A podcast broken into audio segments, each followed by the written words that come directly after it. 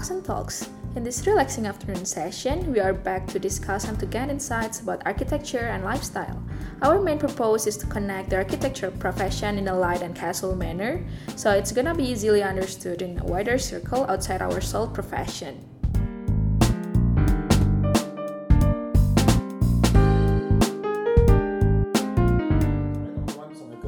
Uh, saya Anwar dari Aksen Responsible Arsitektur. Uh, mau cerita sedikit mengenai event yang kita datengin yaitu Good Design Award 2019. Nah, uh, sebenarnya kita tuh awalnya submitnya adalah si Good Design Indonesia. Dan kebetulan ketika menang Good Design Indonesia, kita tuh dilanjutkan ke Good Design Award. Nah, waktu itu sama Zara mau coba masukin dua karya, yaitu North House dan Albizia House Nah dari situ kita banyak diskusi dengan Panggia juga gimana ya caranya kita membuat satu karya yang uh, memiliki beberapa kriteria untuk tembus gitu. Satu bentuk 20%, fungsi 20%, kualitas 20%, komersialitas 15%, inovasi 20%. Yang mana sebenarnya kita tuh nggak pede-pede amat karena kita lihat tahun-tahun lalu tuh yang menang tuh Yamaha NMAX gitu ya. Terus ada tank baja, ada saniter gitu yang mana produk banget gitu dan bisa dikali banyak. Sedangkan kita kan adalah satu produk yang satu satu desain tuh beres gitu dan apa ya istilahnya resonansi sedikit gitu. Ya tapi kita coba submit aja lah, nggak ada yang salah gitu karena dengan kita ikutan seperti ini kan kita jadi tahu kompetensi kita tuh sampai mana gitu. Dan uh, pada saat itu sebenarnya Pak Ari Satria, uh, Direktur Pengembangan Produk Ekspor, itu menghadirkan 9 tenaga ahli sebagai dewan juri. Uh, jujur aja sebenarnya nggak banyak yang saya kenal cuma uh, yang paling saya uh, tahu betul adalah Pak Yori Antar sebagai kepala uh, juri. Kebetulan tahun ini adalah tahun pertama kita uh, tahun ini ada tahun pertama Good Design Indonesia punya kategori arsitektur. Jadi uh, kita adalah pemenang pertama di Good Design Indonesia yang arsitektur dan kebetulan uh, karya kita dua-duanya menang Good Design Indonesia yang satu best yang satu outline yang biasa aja Nah di luar uh, Mas Yori sebenarnya ada beberapa uh, juri, ada Mbak Astrid dari Terra Lumen, Pak Daniel Surya dari Weir Group, uh, Pak Jacob Silas dari uh, ICSB, Josephine Werati dari Winhouse, Wasik M. Nur dari Lembaga Indonesia National Single, Window, Betty Fatimah dari Feminina, uh, Mas Pan, Mas Rama dari Paraya, Parama Bayu Kreasi dan Tidi Nanggidiani dari Indonesia Vision Chamber. Dan um, penjurian tersebut juga sebenarnya dihadiri sama uh, siapa namanya? Fumi Shibata. Itu adalah dia ke kepala Dewan Juri Good Design Award 2019 dan di luar sesi presentasi kita tuh banyak banget dikepoin sama Fumi Shibata. Tapi kita tidak tahu bahwa dia tuh adalah juri utamanya. Jadi kelihatan kayak oh orang Jepang interest sama karya kita gitu. Ya saya sih ajak ngobrol aja gitu. Dan ternyata karya kita dimenangkan Nah, e, rasanya ya di sidangnya ini adalah kayak kayak kita lagi sidang skripsi. Karena ini di sidang kayak ha hampir 30 orang dan semua orang tuh bersuara. Kenapa ini begini? Kenapa ini begitu? Dan kita ditanya bukan hanya sama arsitek. Arsitek hanya satu orang, Mas Yori doang kepala dewan juri. Sisanya eh, ada yang fashion, ada yang ngomongin ekspor, ada yang ngomongin teknis gitu ya. Saya coba, saya dan Zara coba jelaskan aja satu-satu gitu secara rumit bahwa apa sih yang coba kita pecahkan gitu. Kenapa karya kita di, uh, layak disebut sama Good Design Indonesia? Waktu itu uh, saya bantu jelasin yang Alibicia House, Zara uh, jelasin yang More House. Agak tegang karena semuanya memang jago-jago terlihat dari bidangnya. Nah, um, suatu saat kita bulan lalu dapat email dari Good Design Award. Uh, selamat Anda menang Good Design Award. Wah, happy banget gitu ya karena uh, Gmark ini adalah salah satu award yang presisius artinya ketika kita menjual produk gitu ya misalnya bikin jual speaker jual baju jual jam ada Gmarknya itu adalah berarti itu adalah produk yang sudah dihargai atau dikurasi oleh desainer-desainer di kota aslinya di Jepang gitu di Tokyo dan Good Design Indonesia eh, Good Design Award ini sudah mulai dari tahun 57 jadi Gmark ini usianya sudah sangat tua hari pertama kita saya sama Pagia datang dulu ke uh, Long Life Design Award. Jadi Long Life Design Award ini diadakan di 2121 Design Site. Uh, ini entrance-nya gratis. Saya bisa masuk untuk melihat sekitar ada dapat ada 11 karya yang sudah menang dari tahun terdahulu dan masih dipakai sampai sekarang. Jadi ini adalah penghargaan yang teratas uh, di uh, Good Design Award. Karena dia dapat penghargaan ini karena uh, achievementnya terhadap mempermudah mempermudah uh, manusia dalam uh, kegiatan sehari-hari. Dan awardnya itu bukan yang yang barang yang sangat mahal banget enggak. Ada yang wrapping paper kado gitu ya. Ada yang kertas kado, ada yang uh, toa toa yang bisa dibawa-bawa, ada pulpen, ada celana Levi's, ada vas, ada keyboard, ada stool. Nah ini yang mirip seperti yang teman-teman lihat di IKEA, tapi bukan. Ini uh, desainnya Alvaro Alto, kakinya tiga. Kalau IKEA kakinya empat. Terus ada chair sama tendo. Dan yang menarik adalah font. Jadi font itu adalah desain. Dia bisa dipakai selama puluhan tahun dan ternyata bisa dipakai sampai sekarang makanya dia dapat uh, Long Life Design Award. Nah ini venue-nya uh, kita masuk ke dalam satu kotak gitu, terus ini ada yang di apa namanya yang dipajang. Ini ada Pak Gea uh, lagi nongkrong ya di depan museumnya. Uh, apa ya? Uh, saya datang ke pameran itu tuh sangat wah ternyata desain tuh dihargai segitu besarnya ya sama Good Design Award gitu dan jadi satu cambuk sih buat kita bahwa sebenarnya di luar sana banyak orang yang menghargai desain. Bahwa banyak orang yang ngefans dengan Good Design Award dan logo-logonya dan turunannya. Jadi brand tersebut ketika eh, satu brand ketika di, ada di tempel logo Cimat itu orang sangat menghargai. Nah dari Good, La, Good uh, uh, Long Life Award ini kalau saya pribadi paling suka banget sama uh, inovasi hiteknya uh, Uniqlo. Kenapa? Gara-gara kalau saya merasakan sendiri kalau lagi musim dingin ke luar negeri kita tuh nggak perlu repot-repot bawa coat yang tebel. Misalnya kalau zaman dulu gitu ya 10 tahun lalu 15 tahun lalu nggak tahu ada Uniqlo kalau kita mau keluar negeri gitu ya winter gitu kita harus beli coat yang besar banget di Gede Bage misalnya atau di toko yang sebelah PVJ namanya apa tuh? Gue lupa. Adalah um, artinya bahwa kita tidak bisa fashionable kalau menurut saya gitu ya. Karena semuanya tuh semuanya gendut berbulu-bulu gitu ya. Koper kita jadi berat uh, dan jadi besar.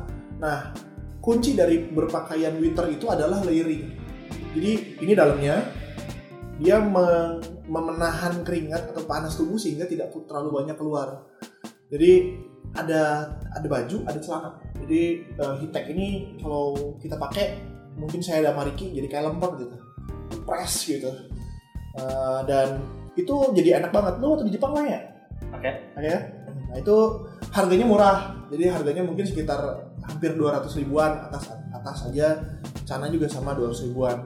Dan ada beberapa toko di uh, Uniqlo yang uh, punya vending machine isinya salju kita harus nyobain. Kalau mau pakai ini coba deh masuk ke dalam.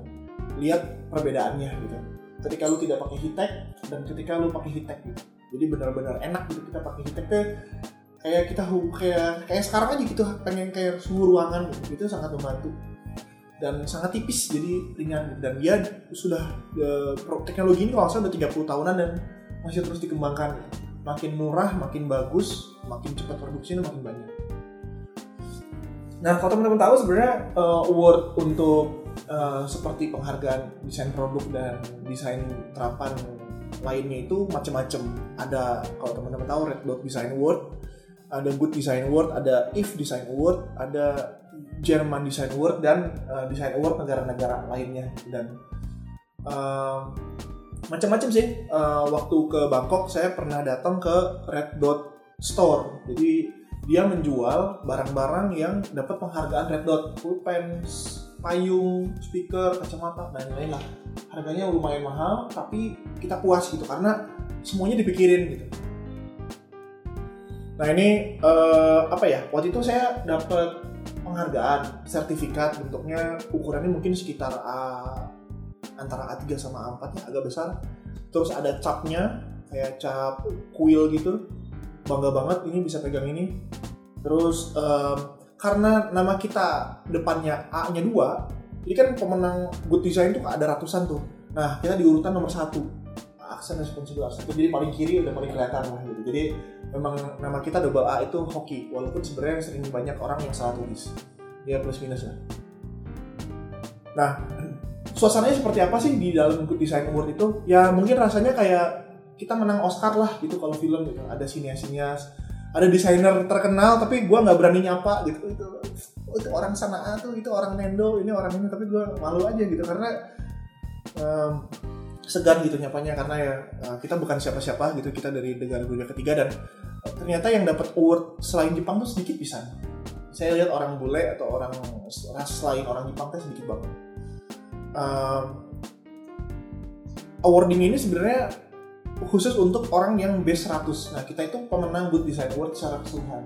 Ada yang base 100 disisihkan lagi untuk mendapat award-award yang sangat spesifik lainnya. Jadi uh, diumumkan gitu misalnya produk A sampai Z silakan maju ke depan. Dan uh, kita itu di segmen yang International Design Award. Jadi uh, ada beberapa negara yang punya award masing-masing termasuk Indonesia Good Design Indonesia. Nah kebetulan kita punya satu booth khusus yang sangat apa ya fokusnya sangat strategis karena posisinya di samping stage uh, pasti kelihatan gitu karya kita teh ketika dipajang. Nah di sana Norhaus itu yang menang Good Design Award, kita memamerkan uh, market yang bisa di scan dengan cara uh, augmented reality. Kita kerja sama sama assembler. Kebetulan kemarin kita narasinya dibantu sama Ricky dan Panda. Mohon Panda. Uh, jadi kita mulai bisa dimengerti. Banyak orang yang lewat, banyak orang yang nyobain fitur-fitur assembler dan bisa merasakan uh, augmented reality yang kita punya gitu.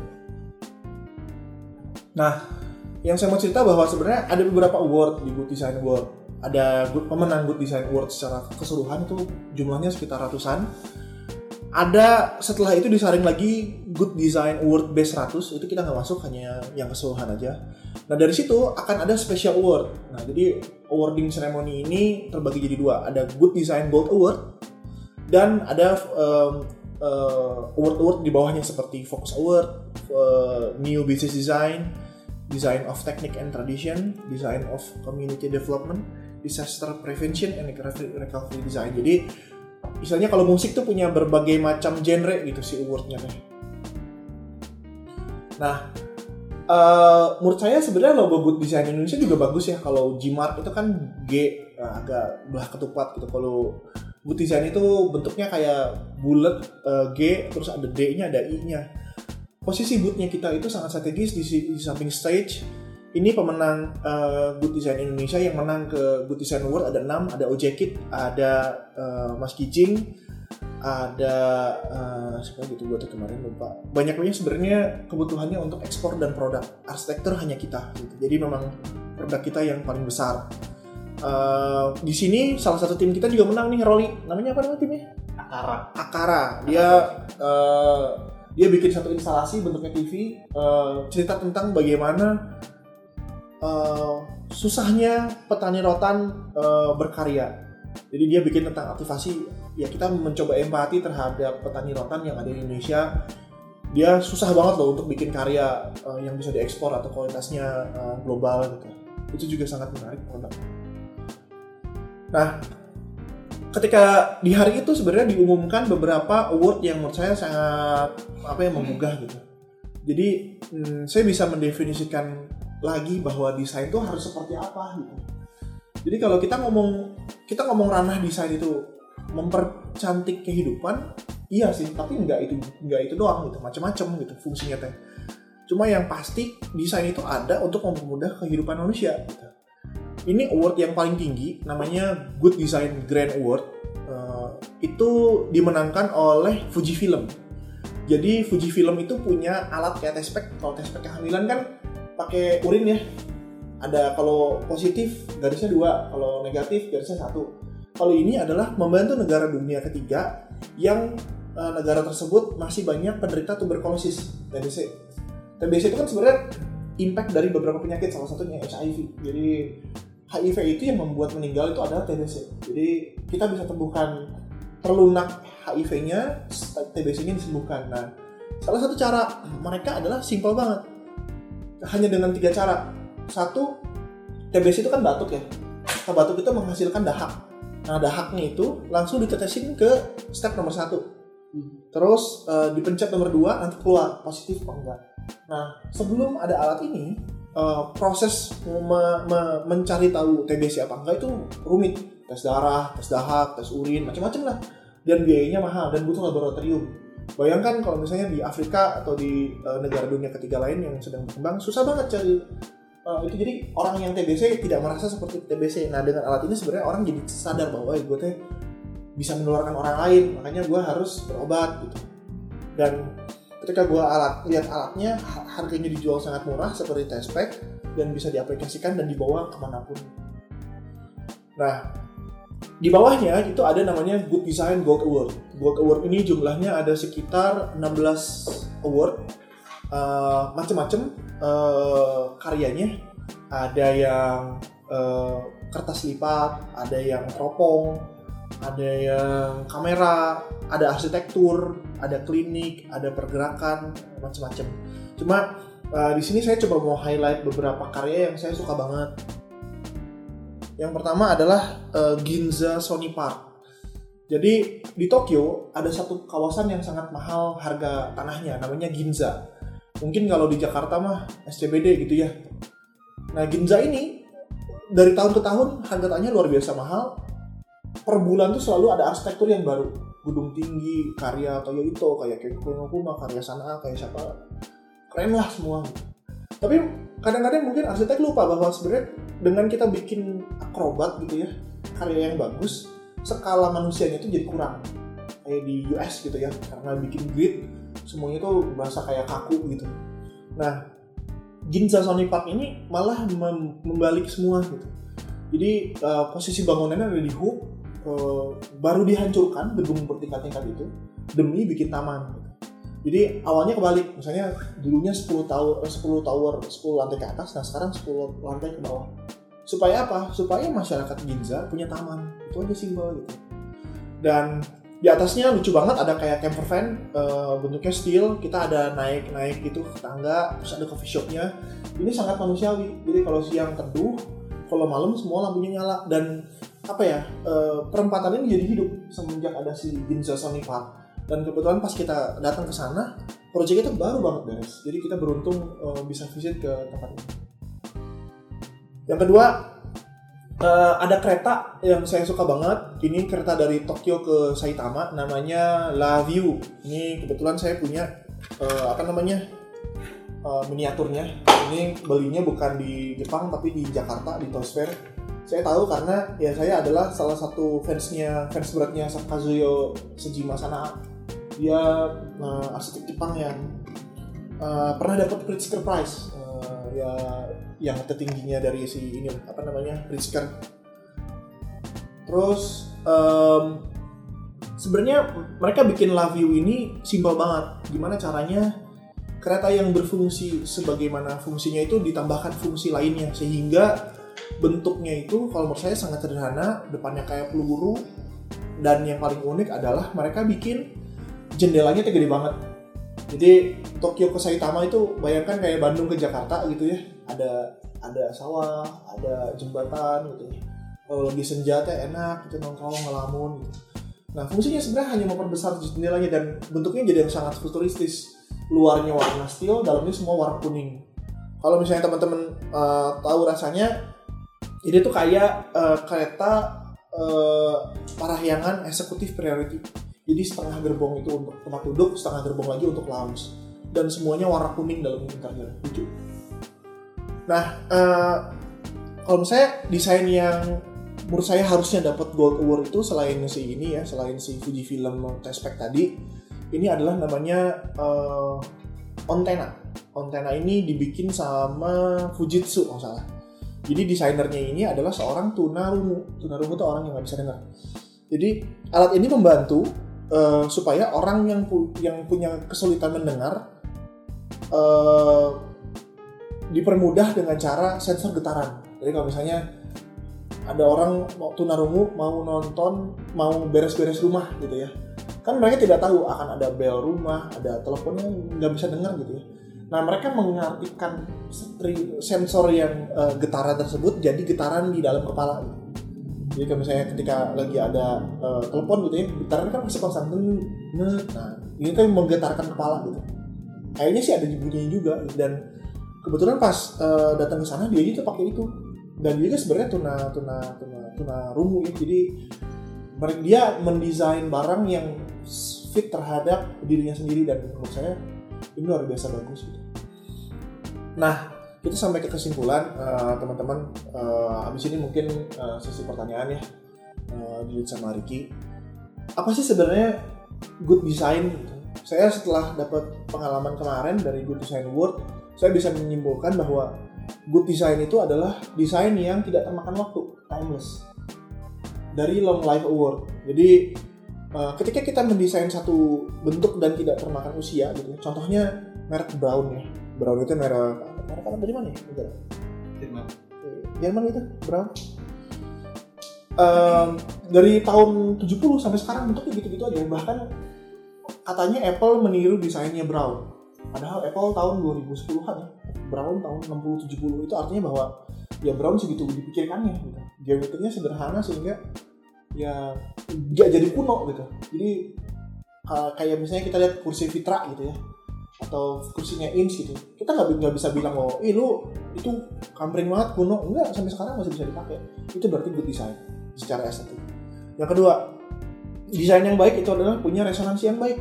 Seperti tadi Ontena uh, mempermudah tunarungu untuk bisa mendengar uh, terus juga merubah fisik kota menjadi taman yang terbuka uh, padahal Alsaya Tower gitu. Dan yang paling penting sebenarnya yang kita garis bawahi kesimpulannya adalah um, Good Design Award ini memberikan satu perspektif baru bahwa desain yang baik itu melekat di hati kita gitu. Dan menjadikan Good Design Award jadi standar gitu. Jadi kita tahu oh ini nih barang kurang bagus nih gara-gara wah apa sih berlebihan padahal sebenarnya fungsinya nggak ada. Padahal sebenarnya yang paling penting adalah memecahkan permasalahan dan uh, apa yang punya resonansi yang baik. Gitu sih teman-teman. Uh, singkat aja. Hmm, kita lanjut ke pertanyaan. Mungkin kalau misalnya pertanyaan yang simple kita bisa jawab. Jangan yang susah-susah teman-teman. Udah selesai. Silakan. Kita baca pertanyaannya ya. Hmm, dari Mas Agung. Sejauh mana desain di Jepang bisa diaplikasikan ke desain di Indonesia? Desain di Jepang bisa diaplikasikan di Indonesia. Hmm, kebanyakan ya saya kritisi sendiri ya bahwa orang Indonesia adalah bangsa konsumerisme gitu. Bangsa yang mengkonsumsi gitu ya. Bahwa mengkonsumsi itu keren, artinya gue berpenghasilan. Padahal sebenarnya kita mah nggak bisa lihat ada Yamaha NMAX sama Vario dan mobil Brio gitu di Jepang gitu Artinya bahwa mereka mendesain uh, desain yang sangat spesifik itu untuk market di negara yang seperti Indonesia itu uh, geografinya. Di sana itu kalau kita lihat ya mobilnya tuh lucu-lucu kotak-kotak kecil-kecil kayak apa ya kayak Grand Max tapi lebih kecil lagi gitu. Itu dipakai oleh mobil polisi, mobil pos, mobil barang gitu. Intinya bahwa orang di sana kalau punya mobil itu saya bisa bilang bahwa orang yang berpenghasilan tinggi Kenapa? Karena mereka pajaknya mahal. Kemarin parkir berapa ya harganya dia? Tiga ribu per jam. Tiga ribu, tiga ribu yen tuh sama dengan berapa? Ya seribu. Tiga ratus enam puluh ribu per jam. Kalau saya sih pasti mikir gitu, buat apa naik mobil kalau semua semua train, semua busnya semuanya proper gitu. Mending jalan. Gitu. Kecuali mungkin kalau family ya punya anak baru, mungkin saya bisa sewa mobil atau beli mobil terus dua tahun ketika anak udah gede jual aja dan gak akan kepake juga gitu atau misalnya saya pengusaha ramen mengangkut ikan dari Sukiji e, beli mie dari mana nah, itu efektif gitu cuma kalau hanya untuk pemakaian biasa aneh aja gitu kalau kita punya mobil dan uh, desain desain Jepang itu kalau menurut saya punya empati yang baik terhadap uh, terhadap ekosistem gitu ya yang ada di negara tersebut. Jepang bisa membuat mobil-mobil yang besar-besar yang bagus-bagus seperti Lexus tapi malah di negaranya sendiri nggak ada semuanya kecil-kecil padahal jalannya juga nggak macet uh, orang selalu berpikir kan gitu ya woi di Indonesia banyak banget nih motor bebek gitu. Di sana emang nggak ada sama sekali motor bebek gitu. Motor bebek pun pasti setengahnya di belakang tuh untuk bikin box jadi operasional gitu. Buat ramen buat ngangkut apa misalnya barang jualan dia di pasar dan mereka angka entrepreneurship tinggi. Jadi uh, mereka ketika mereka berjualan gitu ya uh, mereka pasti makmur gitu. Karena harganya pun lumayan tinggi gitu, lumayan mahal uh, dan Jepang itu bisa dibilang top 5 uh, living cost termahal di dunia. Selain uh, Eropa Utara, Hong Kong gitu ya. Uh, Australia dan negara-negara lainnya. Jadi ya negara makmur juga uh, menghasilkan masyarakat yang makmur gitu yang orang yang positif thinking gitu. Karena semua dipikirin desainnya bagus arsitekturnya terfabrikasi standarisasi mobilnya bagus uh, public transportnya bagus jalanannya bagus. Dan yang paling penting sebenarnya Jepang itu orangnya humanis beda banget ketika saya ke Jepang sama ke Shanghai gitu ya waktu ke Shanghai padahal saya pakai uh, day pass gitu ya karena saya tidak bisa bahasa sana saya ngomong pakai bahasa Inggris dan saya bilang bahwa saya cuma nanya bahwa ini travel passnya bisa dipakai buat naik bis sih? Karena mereka menolak untuk bahasa Inggris, mereka nyuruh saya turun kan aneh gitu. Saya coba berkomunikasi dengan baik, tapi ya akhirnya suruh turun. Beda dengan orang Jepang, orang Jepang juga sebenarnya bisa dibilang ada yang nggak bisa bahasa Inggris gitu. Tapi karena mereka mau mencoba membantu, mereka ngomongnya pakai bahasa Jepang, tapi mereka membaca gestur kita gitu. Contohnya, saya lagi makan di paper lunch. Semua pelayannya ngomong pakai bahasa Jepang saya coba ngomong pakai bahasa Inggris harapannya ada yang bisa bantu saya gitu mungkin yang lain ada bisa bahasa bahasa Inggris nah kalau teman-teman ke Paperan kan pasti ditanya macam-macam ya. Minta pakai telur nggak? Pakai sayur nggak? Pakai sambal nggak? Pakai apa? Nah saya nggak bisa jawab karena kan ya bahasanya bahasa Tarsan aja ya udah. Uh, misalnya tambah sambal tambah apa tambah apa. Pelayannya nggak ngerti. Nah sebelah saya teh bapak-bapak udah tua pisan uh, membantu saya menjelaskan lewat gestur dia ngomong pakai bahasa Jepang. Nah segitu baiknya. Begitu juga dengan waktu nyasar di beberapa stasiun ya kayak di Shinjuku Station di Tokyo Station gitu ya. Walaupun mereka tidak bisa bahasa Inggris tapi mereka nganterin sampai ke informasi gitu. Ini di informasi lu ada orang yang bisa bahasa Inggris nih coba lu tanya aja. Nah itu sih yang mungkin di antara kehidupan konkret beton yang super stress ini teh kita mungkin lupa bahwa sebenarnya society yang paling penting adalah society yang paling humanis. Humanis dibentuk dari orang yang uh, memiliki uh, attitude positif. Attitude positif dari desain yang baik yang memecahkan banyak masalah. Jadi uh, apa ya tolak ukur negara maju salah satunya memperhatikan desain secara baik dan Jepang adalah salah satu tolak ukur menurut saya dari segala bidang struktur transportasi uh, ekonomi uh, peruntukan lahan kemajuan ekonomi dan lain-lain. Itu aja sih um, teman-teman. Eh, saya lanjut ya ada pertanyaan kedua dari Pak Fadli. Pertanyaan adalah aspek pertimbangan penjurian ini apa aja?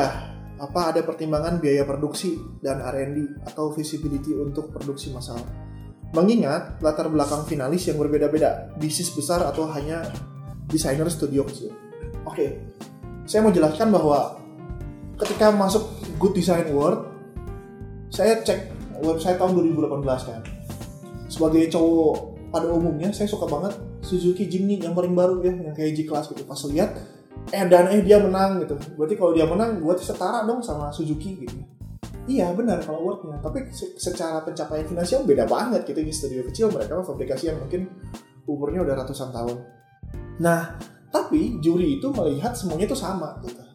Mau yang skalanya uh, istilahnya Yamaha NMAX gitu ya dengan produk kita gitu. Pertanyaan cuma satu apakah desain yang kita hasilkan itu uh, memecahkan permasalahan setidaknya bagi user gitu. Karena kalau kita ngomongin arsitektur rumah gitu ya, warehouse hanya memecahkan permasalahan mungkin se sekomplek itu aja gitu. Karena fungsinya privat gitu. Tapi kalau misalnya Suzuki Jimny misalnya memecahkan banyak masalah gitu ya. Tapi kan kita kita ngomongin scope gitu. Kalau arsitektur sebenarnya super banyak. Terus uh, kebetulan saya ngobrol agak banyak dengan salah satu juri uh, Mas Rama kebetulan masih orientar pada saat itu katanya berhalangan hadir karena uh, ada kebutuhan dipanggil Pak Presiden sehingga Mas Rama yang menggantikan dia untuk jadi uh, wakil juri di uh, Jepang dan dia disandingkan dengan juri-juri uh, lain. Jadi dia disediakan translator khusus yang bisa bahasa Indonesia dan bahasa Jepang uh, mendiskusikan award-award yang menang tadi yang Gold Award jadi uh, dari sekitar berapa ya? Uh, 15, 19 award ini uh, mereka mendetailkan satu-satu gitu. Kenapa ini menang gitu, diskusi gitu. Dan jurinya pun misalnya kalau yang dimenangkan itu adalah si Ontena tadi yang uh, untuk Tanah Rungu, bukan hanya desainer produk ada yang arsitek ada fashion ada uh, grafis gitu ya. Mereka berdebat bahwa ini fungsi jelek ini bagus gitu. Dan mereka juga punya penilaian gitu. Gua 8 gua 9 oke okay, kita rankingin misalnya 19 ini mana yang mendapatkan gold award gitu nah uh, produksi massal bisa ya bisa tidak. Kalau gold award kalau menurut gue lihat sebenarnya kepentingannya adalah bagaimana desain ini memiliki uh, gue gue bisa bilang bahwa good design award kebanyakan desain produk yang menang. Kenapa? Karena bisa digunakan secara mempermudah kehidupan sehari-hari dan bermanfaat untuk orang banyak gitu. Begitu juga tahun-tahun sebelumnya gue coba track gitu ya yang yang gold award pasti desain produk yang fungsinya sangat sederhana uh, diproduksinya mudah dan uh, punya resonansi yang baik gitu um, fungsi-fungsi seperti instalasi seni, arsitektur itu mentoknya cuma sampai B100 misalnya atau misalnya sampai God Award yang benar-benar bangunan itu benar-benar berfungsi secara masalah dan memecahkan masalah gitu ya. Dan apa ada pertimbangan biaya produksi dan R&D uh, kayaknya sebenarnya untuk produksi dan R&D tidak dipikirkan cuma mereka melihat bahwa ketika misalnya ya orang Indonesia ini Nmax dimenangkan nih ya ada nggak sih uh, khasiat jimat terhadap penjualan Yamaha NMAX di Indonesia. Nah itu dia pasti pikirin gitu. Hmm. Tapi kebanyakan, kebanyakan ya, karena ini dibikin oleh Jepang, yang menang Jepang. Gitu. Mostly Jepang lah. Kalau Red Dot kan dari uh, dari US ya, kebanyakan orang US yang menang. Gitu. Jadi memang mereka punya bukan bukan mereka bilang bahwa yang menang harus Jepang, bukan. Tapi uh, kebanyakan yang submit Jepang dan kebetulan bangganya kita adalah sebenarnya untuk submit Good Design Award itu luar biasa mahal teman bayar daftarnya aja 30 juta di awal ehm, uh, 30 juta ketika kita menang dari Good, Good Design Indonesia kita dibayarin yang 30 juta ini nah ketika menang lagi Good Design Award itu dapat bayar lagi sekitar 30 juta. Jadi kita untuk uh, Good Design Award ini kira-kira setelah menghabiskan 100 juta yang dibayarin sama negara gitu. Jadi ya kita bersyukur kita bisa memakai logo Gmark ini selama satu tahun plus kalau yang ada Gmark plus GDI itu bisa selamanya. Bayangin ya kalau produk kita teh adalah uh, kacamata gitu ya mobil enak banget jualannya nih. Kali seribu biji kan sejuta biji nih enak banget. Karena desain kita sudah dikurasi oleh desainer-desainer ternama di uh, negara sana. Ada lagi? Mungkin? Cukup ya? Itu aja sih uh, mungkin banyak perspektif pribadi. Uh, kalau misalnya ada salah mengenai nominal, mengenai nama juri atau apa, silahkan nanti mungkin di mention ke Aksen Studio di Instagram atau di mana pun di WhatsApp untuk ya mungkin kita bisa sambil diskusi lah sambil ngopi senja di kantor. Itu aja ya teman teman-teman. Terima kasih banyak. Atur nuhun. Assalamualaikum warahmatullahi wabarakatuh. Thank you for listening. Please stay tuned for more exciting content about architecture and lifestyle. See ya.